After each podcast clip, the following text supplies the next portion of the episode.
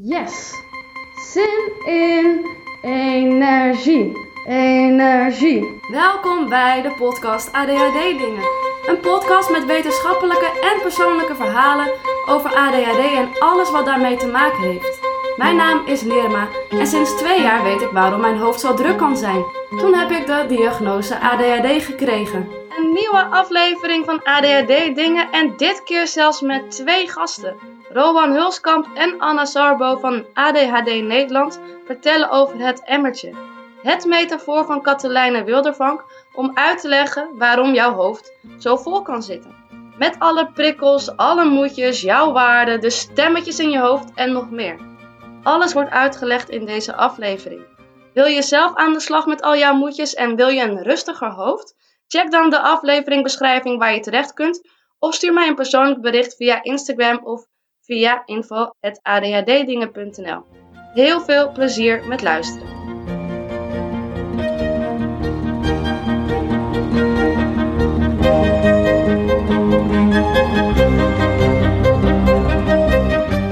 En kunnen jullie dan uh, voorstellen? Ik heb gewoon twee sprekers. Je hebt er twee. Je hebt er twee, ja.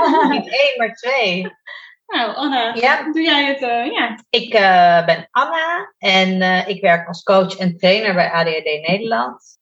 En ehm, ik mag nu zeggen, als Ja, trainer als trainer mag ik leuk. zeggen, ja. Dat is nog een recente ontwikkeling. Ja, dat is precies. leuk. en ehm, eh, ik worstel eigenlijk al, worstelde mijn hele leven al met mijn volle hoofd.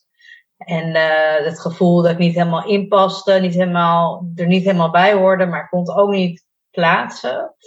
En op mijn negentiende toen eh, kreeg ik best wel een flinke depressie.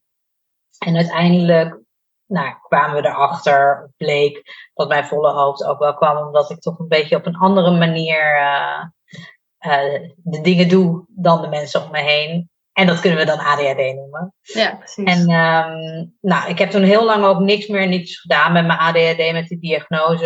Ik dacht, nou ja, oké. Toen was ik er super blij mee dat ik een diagnose had. Dat ik eindelijk dacht, oh ja, nu, nu ben ik dus toch niet zo gek als ik dacht. Of ik ben wel eigenlijk heel gek, maar er is ook nog een naam voor. Dus Ja, dat is een reden daarvoor. Ja. Ja, precies.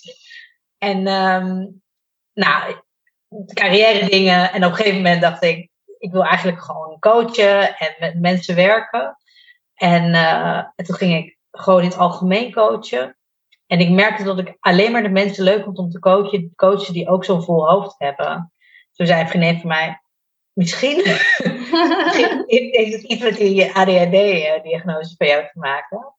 Nou, en zo ben ik uiteindelijk bij ADHD Nederland terechtgekomen. En eh, merkte ik dat, eh, dat daar precies dezelfde visie is op coaching en op, op hoe je ook naar ADHD kunt kijken vanuit een, vanuit een gezondheidsmodel eigenlijk. En eh, heb ik eh, daar helemaal mijn plekje gevonden. Ja, wat fijn. Ja, En wat maakt dat je zo je plek hebt gevonden bij ADHD Nederland?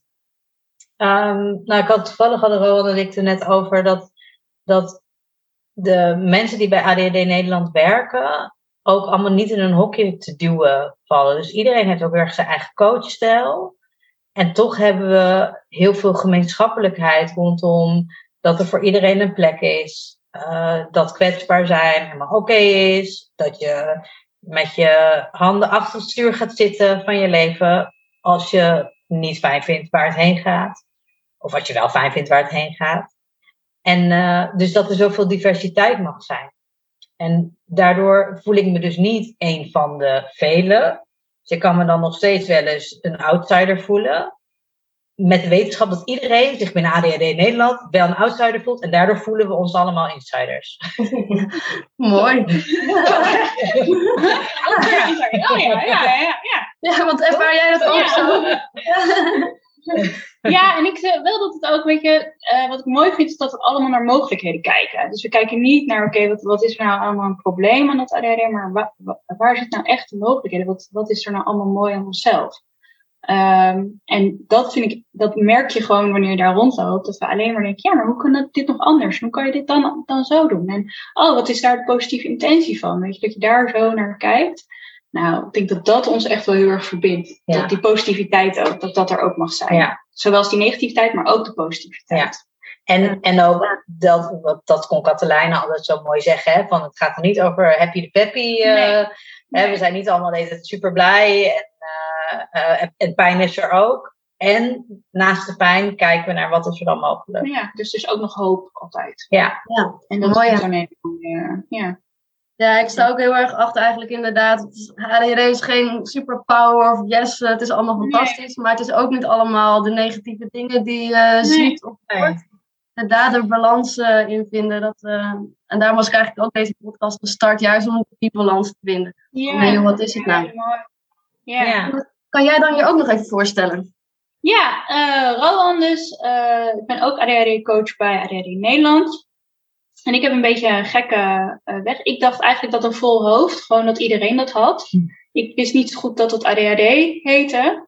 En toen heb ik een eh, andere opleiding gedaan. En eh, ik, ik liep wel heel de tijd tegen dingen aan. Zoals dat ik altijd bij Z was en dat iedereen nog bij A was. Dat ik dacht, schiet nou een beetje op, weet je. Ga, ja, kom een beetje naar mijn richting toe. En iedereen dacht, jeetje, wat, ben wat doe jij gek of wat doe je raar? Waarom ga je zo snel? Dat ik dacht, oh, dit is dus niet normaal of zo. Weet je, dat, dat heb ik altijd wel een beetje meegekregen.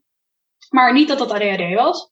Ehm, toen ben ik een opleiding gaan doen bij Eerste Verdieping Opleidingen. En dat heette NLP Practitioner.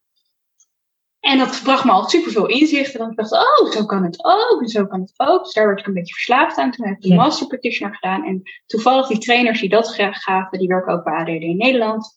En toen zei een trainer tegen mij, joh, kom eens naar een opleiding van ADHD Nederland. En toen kwam ik daar en toen zat ik opeens met allemaal mensen die ook zo'n druk vol hoofd hadden. En toen dacht ik, oh, dit is dus ADHD.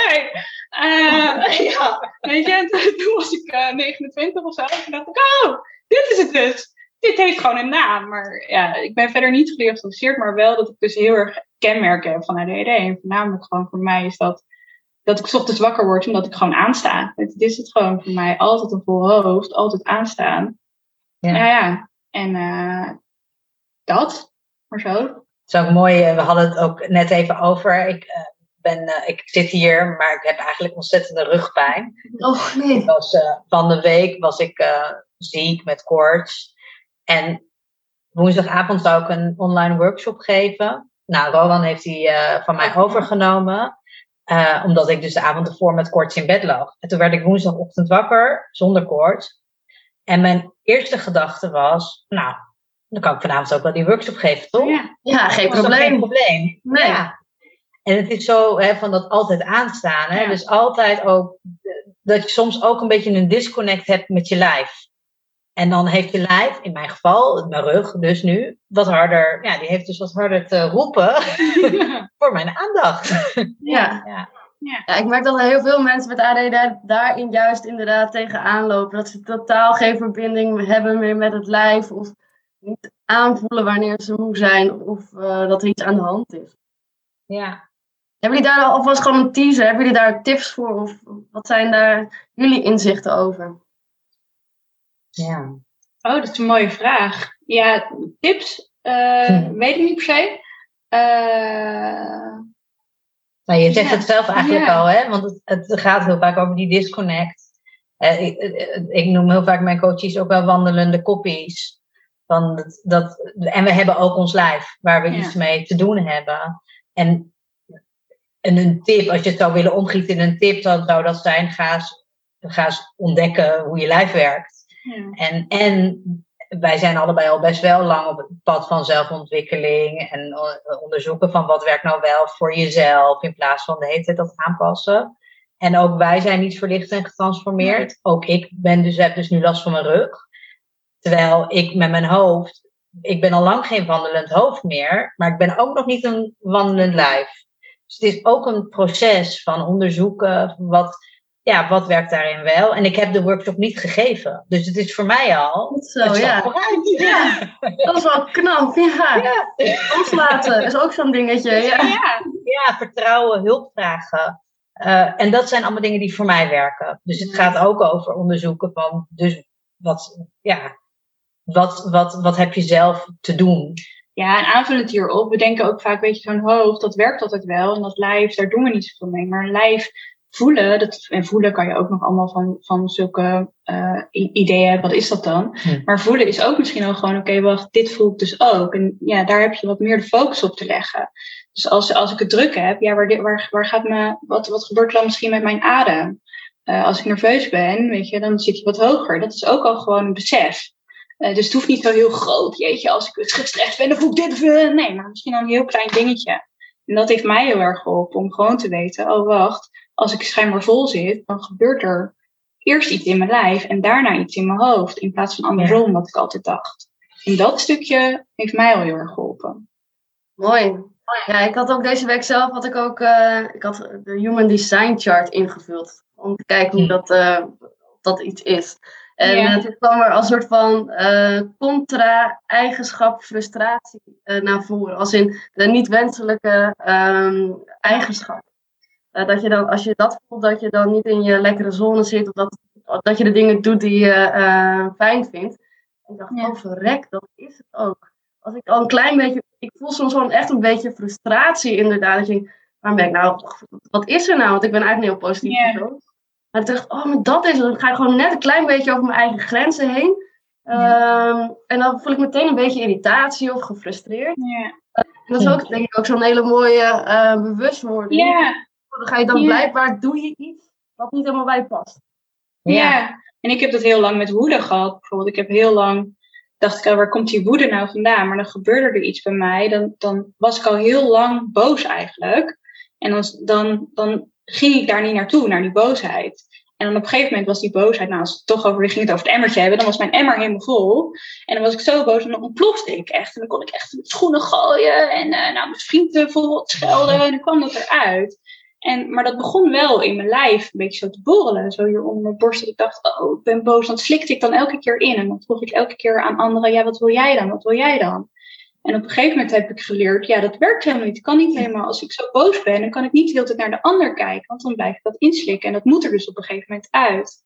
En dat begon dan gewoon hier echt onder mijn borst. Met aanvoelen, oké, hier voel ik het dus al. En dan ben ik nog niet boos. En het is misschien wel drie dagen eerder dan daarvoor. En daar heb ik dan gehoor aan te geven dat ik schijnbaar mezelf iets niet gun. Dus schijnbaar gun hmm. ik mezelf dan niet uh, uh, even rust. Of even zeggen dat ik iets niet leuk vind. Of even zeggen dat ik altijd er over mijn grens wordt gegaan. Dus dan heb ik eerder in te grijpen dan dat ik heel mijn emmer vol zit en dat ik ontplofte. Dus dat is wel een hele mooie voor mij in ieder geval. Als je het ook zo hebt over leuke irritatie. Ja, en je maakt dan meteen een heel mooi, um, mooi bruggetje eigenlijk naar de reden waarom we hier zitten. Namelijk om te praten over het emmertje.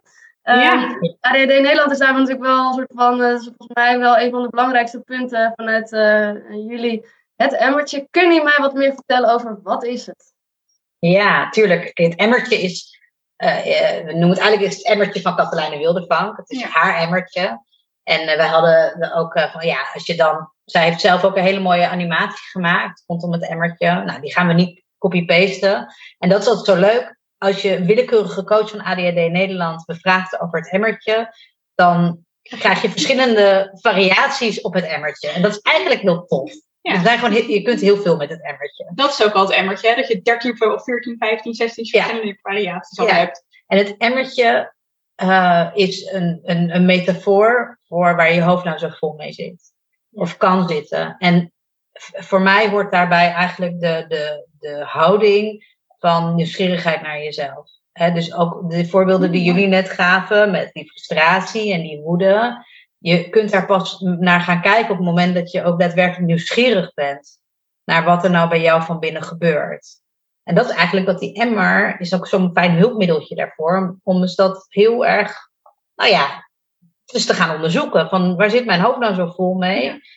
En nadat je dat dan weet, dan weet je nog niet per se alle antwoorden. Maar dan heb je wel een beetje een beeld van waar, waar zit het nou. Uh... Ja, waar zit je hoofd nou een beetje vol mee? Ja. En, en je lijf ook eigenlijk. Ja. ja. En uh, het is wel ingewikkeld om hem te vertellen zonder uh, plaatje. Dus ik weet niet of je straks in je podcast een plaatje van het emmertje gaat toevoegen. Ja, maar, dat ga ik doen. Ja. Top.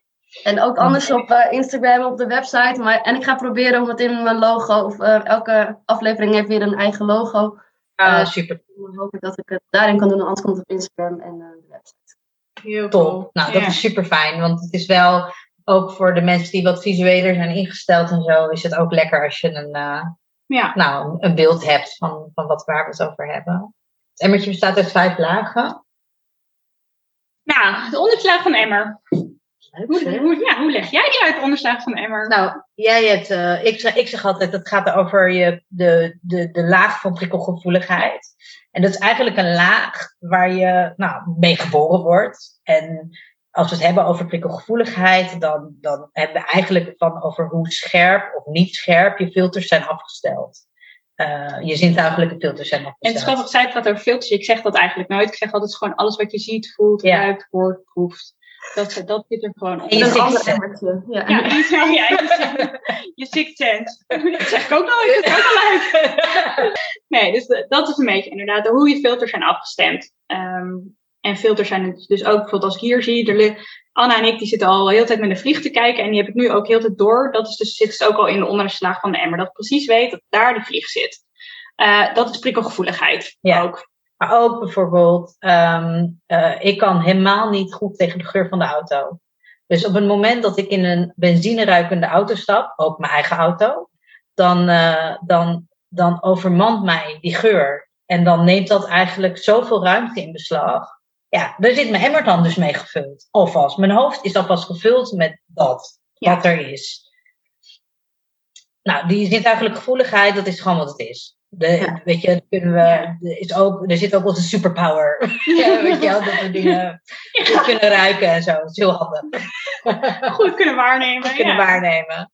En, maar, maar er zit ook het, of en, niet maar, en. En? En eh, die laag gaat ook over hoe, eh, ja, hoe goed je spiegelneuronen zijn afgesteld.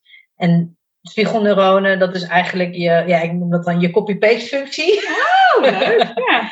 Een baby bijvoorbeeld, die leert heel veel door te kopiëren. De spiegelneuronen van een baby die zijn waanzinnig goed, eh, of ja goed, scherp, of Scherp afgesteld. scherp afgesteld. Dus die, als je, dus ze leren dingen pakken en, en die babytjes die doen alles na. En dan kunnen ze het. Super fijn.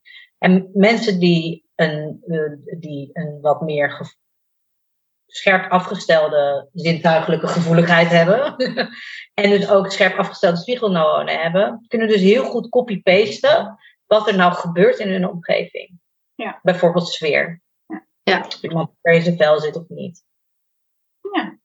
Ja, is En dat zit dan ook de onderste laag inderdaad van het emmertje. Is dit ook inderdaad die spiegelneuronen en wat je allemaal ziet in de omgeving. Inderdaad. eh, Ja, en het is ook zo, weet je, eh, iedereen heeft die spiegelneuronen. Hè? Gewoon iedereen in, in, in heel, op heel de wereld heeft die spiegelneuronen. En bij sommige mensen zijn die gewoon wat, wat scherper afgesteld dan, dan de ander. En dat is eigenlijk een beetje het verschil met ADHD. In Nederland, of ADHD in Nederland, ik weet niet waarom ik elke keer dat wil zeggen. Maar met mensen met ADHD, daar, die laag is gewoon net wat groter. Zo kunnen we het zeggen. Dus die emmer is gewoon net wat meer gevuld met die spiegelneuronen. Ehm, eh, ja, dat. Ja, Ja. en, en het beïnvloedt. Ja. ja. En dat, dat die laag gevulder is, beïnvloedt ook gelijk weer de volgende laag in mijn Ja. emmer.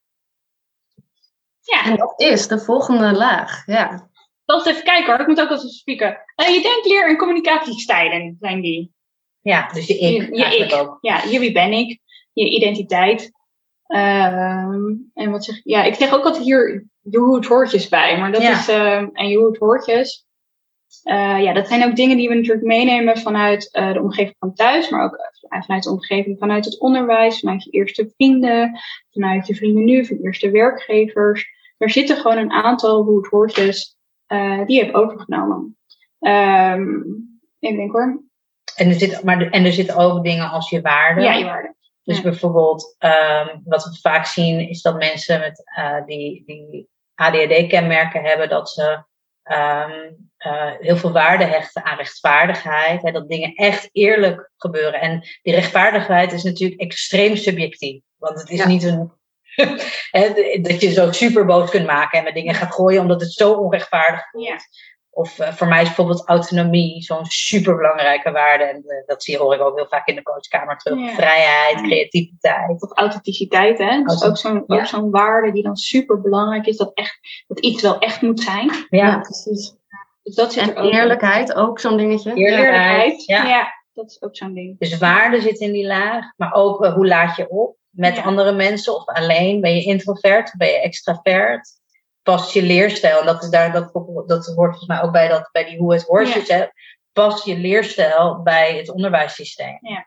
Dus ik heb mijn hele schoolperiode gedacht dat ik dom was. omdat ik niet begreep hoe je moest leren. En ik ben nu, zeg maar, als volwassen vrouw aan het ontdekken wat eigenlijk mijn leerstijl is. En, en omdat ik het niet wist, ging ik me net het aanpassen. Ja, ik denk heel veel herkenbaar voor heel veel luisteraars op dit moment. Ja, Ja, ja, Ja, en het is ook zo'n, weet je, we hebben het soms wel eens over plannen, hè? Dat, dat, je, dat je moet plannen, maar zo'n leerstijl zit er ook in. En het onderwijs gaat natuurlijk ook uit dat je bepaalde dingen wel moet plannen. En als dat niet jouw leerstijl is, dan kan je zomaar echt een beetje buiten de boot eh, eh, voel- voelen. Dat, dat Ja. je buiten de boot valt. Ehm, en er zijn gewoon zoveel leerstijlen die soms niet bekend voorkomen. Dus zoals een plannen, ja, iedereen moet plannen. Ja, dat is, dat is niet zo. Ik bijvoorbeeld, ik, eh, nou, ik plan helemaal niks, weet je. maar dat past dan niet binnen het onderwijs. Dus dan kan je zo voelen dat je zo aan het, aan het, aan het vechten bent ehm, met de wereld om je heen. ja. En dat is eigenlijk De volgende laag. Ja, nou, ja, en dat Ja. is, hè, want we hebben als mens de, de aangeboren behoefte om erbij te mogen horen. Dus hè, zonder tribe gaan we dood. Ja. Ik dacht Ja, vroeger, zeker. nu eigenlijk steeds. Ik bedoel, als je als baby geboren wordt, heb je gewoon ook iemand nodig die voor jou zorgt. Ja. En eh, dus we doen gewoon als mens alles eraan om erbij te mogen horen. Ja. En als we er niet bij willen horen, dan willen we bij de groep horen die er niet bij hoort. Zeg maar. Ja. Ja. Dan blijf je ook bezig, ja. Ja, joh. Ja, ja. Ja, en het is wel zo, weet je, wij vinden afwijzing nog steeds zo erg. Dat vinden we gewoon erger dan als we zeggen dat een vrouw gaat bevallen en als een man in zijn ballen wordt getrapt. Zo erg vinden we, het is erger dan, dan die pijn, die afwijzing. Dus we doen er echt alles aan om niet afgewezen te worden. ja. Dus ook aanpassen. Ook aanpassen. Ja. En- ja. ja, je overlevingsmechanismes. Ja. Ja. dat dan. Coping inderdaad en al Ja. je overlevingsstrategieën inderdaad. Ja. Als jullie, eh, wat zijn, waren jullie overlevingsstrategieën? Of, mag ik dat zeggen? Heel hard werken. nog steeds. Hè? En, en net zoals Anna ook zei, ik ben niet verlicht en getransformeerd. Ik heb hem nog steeds. Dus mijn overlevingsstrategie is als ik een soort van voel, shit, mensen in mijn omgeving kan me ook zo lekker dom voelen. Die weten meer. Dan ga ik niet zeggen, jongens, eh, ik snap het niet. Dan ga ik gewoon heel hard werken om te zorgen dat het niet lijkt alsof ik het niet weet. Ja, ja, mooi, die ken ik ook wel. Ja. En, en ik ben echt een people pleaser. Dat is echt het pleasen van andere mensen. Dat is, heb ik echt een soort van eh, specialisatie eh, en het gaat veel beter. En het is nog steeds mijn valkuil. Het zal toch ook wel denk ik ook met valkuilen of zeker met dat soort strategieën over hoe je bent. Dat blijft volgens mij een levenslang eh, ja, aandachtspunt ook. Ja. Ja. En, en het is ook mijn, mijn kracht. Weet je, dus ik ben ook daardoor waanzinnig verbindend. Ja.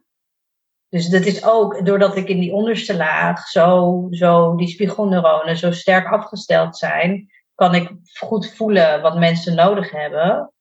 En, en zet ik mezelf dan aan de kant, omdat ik weet wat de ander nodig heeft. Dus dan daarin ga ik in dat aanpassen stukje. En voor de ander is het super fijn. En daardoor is het voor mij soms ook super fijn. Ja. En ik heb ondertussen wel geleerd dat dat nu op een manier gaat die voor mij werkt. Meestal. Ja, en dat maakt je dus ook goed in je vak, wa- waar je, Ja. waar je nu in zit. Ja. Ja, ja. dus dat ook. En voor mij, mij heeft het bijvoorbeeld ook heel veel doorzettingsvermogen gegeven. Weet je? Het is ook wel ja, waarom, ik, waarom ik me blijf doorontwikkelen. Dus ontwikkeling vind ik ook nog erg belangrijk. Past ook onwijs bij mijn ik. Maar er zit natuurlijk ook een overlevingsmechanisme aan. Ja. Ja. Dat hele harde werken. Ja, ja en, en dan komen we eigenlijk ook bij die volgende laag. Ja, toch volschade. Ja, ja want gevolgschade, dat, dat is dus doordat je dan gaat aanpassen en eh, eigenlijk iemand anders wilt zijn dan dat je bent, of iemand anders bent dan wie je bent, of niet eens weet wie je bent, omdat je dus, hè, waarmee ik ook helemaal begon van die, die nieuwsgierige ogen naar jezelf, die ontbreken in, Ja. de, gevo- de gevolgschade laag. En dan ga je, ja, Nee, ga maar. Ja, je nou was ja. mooi aan het. Ja, ik nou, eh, je- En nu dacht ik, nou, waar gaat, waar gaat het verhaal eigenlijk heen? Net ook DRD. Dus je denkt opeens, huh? Ja, nee, die gevoelsschade is heel vaak. ehm, eh, er zijn natuurlijk best wel dingen op, op je, je persoonlijkheid, je ik, gezegd. Ehm, en dat kunnen dingen gezegd zijn, maar het kan natuurlijk ook door die prikkelvoedigheid dat je dingen gevoeld hebt. Dus dat je er net buiten de boot valt. dus dat je er net niet helemaal bij hoort. En dat kan dan kan je intern je gevoelsschade hebben. Dus dat je naar jezelf gaat kijken en dat je dus zegt, jeetje, ik ben niet oké. Maar je kan hem ook extern voelen. Dus dat je zegt, ja, de wereld is niet oké en ik wel. En bij beide ben je eigenlijk aan het vechten. En dat is die gevolgschade. Mooi. Ja, Ja. heb ik dat zo ja, ja. gehoord? mooie, ja, Ja. ja. Anders, anders dan jij doet. Ja, dus ik vind het wel lekker, wat een korte, ik doe het dan heel kort. Dat is gewoon gevolgschade. Ja. ja. En dat beïnvloedt, en dan komen we eigenlijk gelijk weer op de volgende laag. Ja. Want op het moment dat je zo aan het vechten bent, met jezelf of met de wereld, en dus altijd met jezelf, dat, heeft dat invloed op, op, je hele, op je hele autonoom zenuwstelsel, op Ja. je systeem, op je lijf. Op, eh, en dat kan zich uiten in fysieke klachten, zoals slaapproblemen. Ik ben echt, zeg maar, migraine-lover. Van jongs af aan had ik migraines, kon ik niet slapen. Nou, nu heb ik dan rugklachten. Eh, andere mensen hebben weer bijvoorbeeld gespannen lichaamsdelen, gespannen kaken. Kaken. Ja. En rug. Je ziet mij misschien ook al heel vaak zo zitten. Hè? Nou, het is gewoon eh gevolgschade, zeg ik dan altijd. Ja, Dan zeggen mensen wel eens, oh, je moet ontspannen. Ja, en denk ik, ja, het is gewoon mijn gevolgschade zit daar gewoon. ja. Ja, maar, Dus, eh, maar hoe los je dat dan op? Want dat vind ik dan altijd een dingetje, inderdaad. Eh, hoe ga je om met gevolgschade? Zeker als het Ja. veel fysieke ehm, nou ja, klachten ook opweegt. Ehm, ja. Ja. Nou, dat is wel, dat is eigenlijk precies wat het emmertje doet. Dus het emmertje geeft inzicht in, in die, die verschillende lagen. Dus ik zal hem eerst nog even de emmer afmaken Ja. en dan kunnen we wel wat precies. vertellen over hoe je naar die lagen kunt kijken. Want dus als je autonoom zenuwstelsel, dus wat je systeem, dus vaak in de stress is. En soms hebben mensen ook dat ze gewoon in een chronische stress zitten zonder dat ze het doorhebben. Dus de stress is hun normaal modus. En eh, en dan kun je je voorstellen dat je emmer wel echt volledig gevuld is. En dat er dan zo'n mini-laagje over is voor de dagelijkse dingen in het leven. Zoals op tijd komen, je agenda structureren, eh, studeren, werken. eh, Ja. Nou, gewoon je alles. leven, leven leiden. leven. Ja. En, en wat, er, wat er vaak gebeurt, is dat mensen gaan zoeken naar oplossingen in die bovenste laag. Dus nou, dan gaan ze een time management cursus doen, dan kopen ze een gestructureerde agenda, dan gaan ze allemaal van die dingen bedenken die heel veel over rust, reinheid en regelmaat gaan. Maar dat zit allemaal in die bovenste laag. En wat Ja. het eigenlijk doet, is het voedt alleen maar de gevolgschade. Ja. Want het is continu een bevestiging van wie ik ben is niet goed. Ja, en eigenlijk zeg ik ook, het lijkt net of je dan de deksel op de emmer gaat houden. Zij stroomt wel over, maar je gaat hem heel krampachtig die deksel erop houden, zodat het, dat het water er niet uitgaat. Eigenlijk zo. Mooie metafoor, ja. Ja. Mooi. En ehm, eh, om die gevolgschade aan te pakken, hebben we eigenlijk te onderzoeken op die lagen daaronder. Ja. Dus de kracht van de, van, de, van de mens zit in de ik. Ja. En dat is die tweede laag. De, je, dus hoe meer ruimte je geeft aan je eigen leerstijl, aan je eigen denkstijl, aan waarden. Überhaupt weten wat belangrijk voor jou is in verschillende contexten in je Ja. leven. Weten eh, wie je bent van binnen, met welke mensen je wil omgeven, met eh, welke dingen je doet. eh, dat je echt oké wordt met jezelf. Als je echt oké bent met jezelf, dan gaat die gevolgschade, dat, als het goed is, krijg je ook vanzelf dat je dan je gaat omringen met mensen die jou ook oké vinden.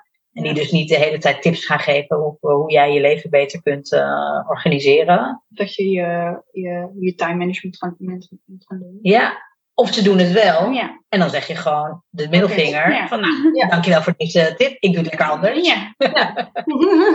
Dankjewel voor de tip, maar ik ga er niks mee doen. Ja. precies. Dat, Ja, dat, dat precies. kan je dan zeggen. Ja, En wij zeggen dan eigenlijk ga je van de hoe het hoortjes naar de www'tjes. Dus wat werkt wel voor jou. ja. En als je dat echt gaat doen, dan, dan, ja, dan gaat het lijf ook wel eh, mee. ja. En dan wordt de gevolgschade minder. Er minder. Ja. wordt je lichaam minder in de stress. En dan ontstaat er dus meer ruimte bovenin de emmer Ja. voor die dagelijkse dingen van in het leven. Ja, dus krijg je meer mogelijkheden ook.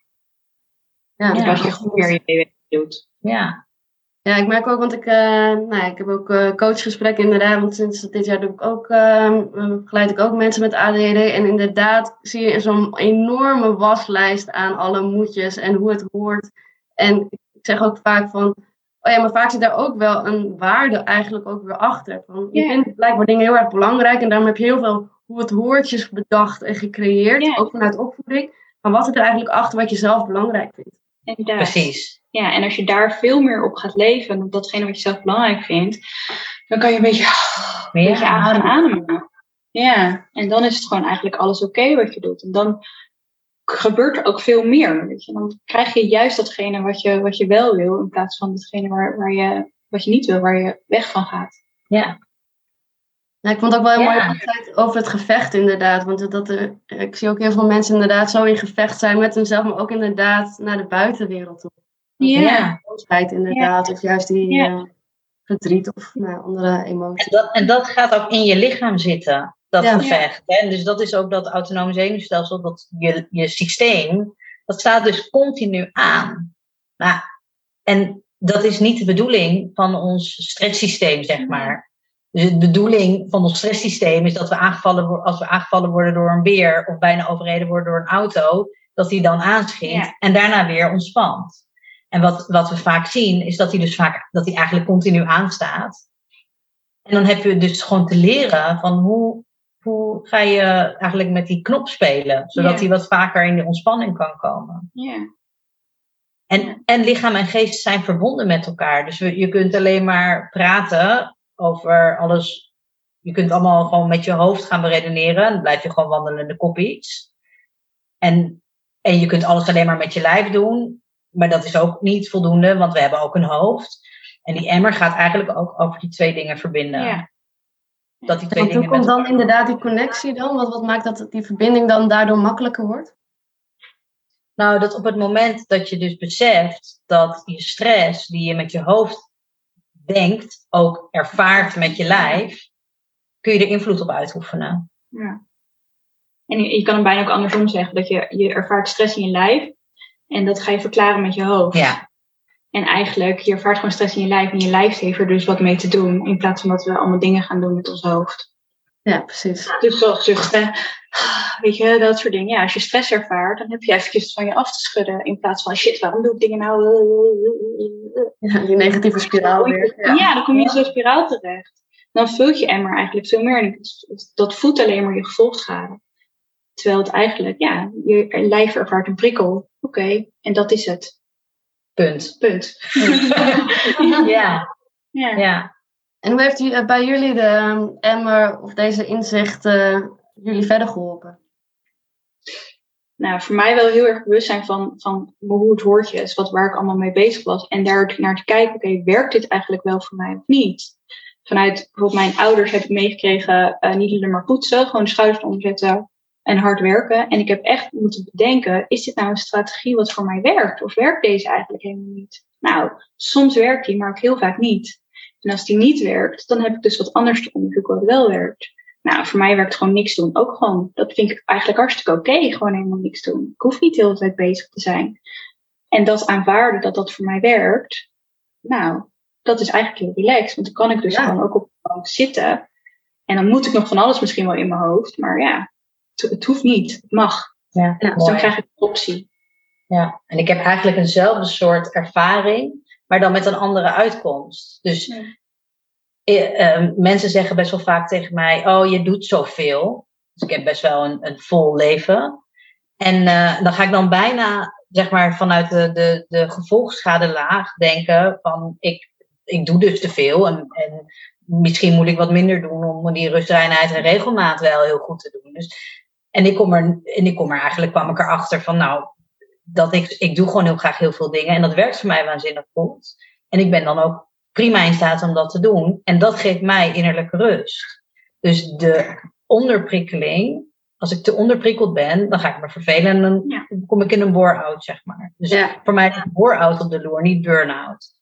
En het, de emmer gaf mij ook daarin inzicht. Dat ik dat zo op die manier, dat ik kon onderzoeken van nee, wat is mijn, wat werkt wel. Ik moet heel hard lachen, want Anne, haar man, die, die, die, Die doet, die doet even een wat werkt wel. Ja. Nee, nee, hij doet eigenlijk een hoe het hoort. Mijn man, die heb ik weggestuurd thuis. Omdat wij een podcast aan het opnemen zijn. Ja. En hij zit over op straat. Zit hij een boekje te lezen. Ja, dat is wel. Heel even op. Dus ja, nou, even. Hij doet eigenlijk niet een wat werkt wel voor hem. Hij doet nu een wat werkt wel voor mij. Ja, Ja, precies. Soms is het ook goed. Ja. precies. Nou, en het is wel mooi. Het is wel leuk dat dit gebeurt. Want daar gaat de emmer ook over. Want we leven wel samen. ja. En we kunnen niet alleen maar onze eigen wat werkt wel doen. We hebben ook af en toe een hoe het hoort te doen. En het wordt wat een probleem als hoe het wordt ten koste gaat, echt ten koste gaat van je eigen identiteit. Ja, want ik merk dat ook inderdaad met samenleven. Ik werk, woon samen eh, met mijn vriend sinds een paar maanden. En af en toe moet ik hem ook gewoon een, nou ja, een dag weg, soort van wegsturen. Van nee, joh, ik moet even bijkomen. Want ik laat eigenlijk stiekem dus heel erg op als ik in mijn eentje ben. Uh, Ja. Waar ik dacht, altijd dacht, oh, ik ben echt extrovert. Ik heb mensen om me heen nodig. Nou, echt dus niet. Uh, Nee. dus ik moet hem inderdaad Ja. ook, ook wegsturen. Ja, mooi hè? Ja, mooi. En dat is helemaal oké. Ja. Ja. ja. Gelukkig is hij net ook zo, weet je wel, dat helpt. ja. Ja, ja. Ja. Nou, dat Dat is is eigenlijk de Ja, Maar ja. Dat is de emmer. Ehm, Ja. Dat is een hele mooie en inderdaad een hele inzichtelijke tool, denk ik. Ehm, want op veel gebieden eh, kan je meteen mee aan de slag eigenlijk. Ja. Ja. Zijn er dan nog andere dingen dat je denkt van, oh, als, dit zou ik dan nog de luisteraars willen meegeven van, oh, als je dit emmertje gaat vullen, eh, of in ieder geval gaat, eh, inzichtelijk gaat maken, wat zou dan tips zijn of inzichten dat je nog wilt meegeven? Zoveel. Ja. Eh, nou, eigenlijk waar ik, wat ik al een paar keer heb gezegd, is dus door meer naar jezelf te kijken vanuit bril van nieuwsgierigheid. Ehm, en, en, wat, wat, en dat je het niet alleen hoeft te doen. Dus als je herkent in het vastlopen met, met, met de ADHD, die je wel of niet officieel hebt, maar met dat volle hoofd. Als je daarin vastloopt, kijk, als alles lekker loopt, prima, dan weet je wel, live your life. Doe gewoon vooral wat je aan het doen bent. En als je vastloopt of ergens wat meer inzicht in wil hebben, dan ho- hoef je het niet alleen te doen. En dat is zo lekker. Ja. Zeker, fijne geruststelling. Ja, er? Ja, dat, het, dat alles een positieve intentie heeft. Dus al die hoe het hoortjes, alles hoe je het gedaan heeft, heeft altijd een positieve intentie voor jezelf. En soms vergeten we dat. Dan kunnen we ook weer zo met een, met een nieuwsgierige bril maar alles zo afkappen. Ja, maar dat is niet goed en dat is niet goed. Nee, alles heeft echt een positieve intentie voor jezelf. En als je op die manier naar je hoe het woordjes gaat kijken of naar je, dan, dan wordt het ook leuker. En dan eh, ben je niet aan het afstraffen, maar kijk, kan je echt met een nieuwsgierige bril kijken. ja, inderdaad, ook zonder oordeel. Eh, Ja. Ja. Ja, en er zal altijd wel een stukje oordeel op zitten, maar dan ook, oh, oké, nou schijnbaar heeft het voor me ook voor me gewerkt. Zeker. Dus Mooi. dat. Ja. Met een nieuwsgierige bril op, eh, op avontuur aangaan eigenlijk en ontdekken. Ja. Ja, Precies. ja. Precies. Mooi. Yes. Nou, dat was Nou, eigenlijk volgens mij een hele mooie Ja, aflevering. Ja, Mooi, ja, goed zo. hartstikke leuk dat wij, eh, dat wij, er, dat wij Ja. mochten komen. Ja.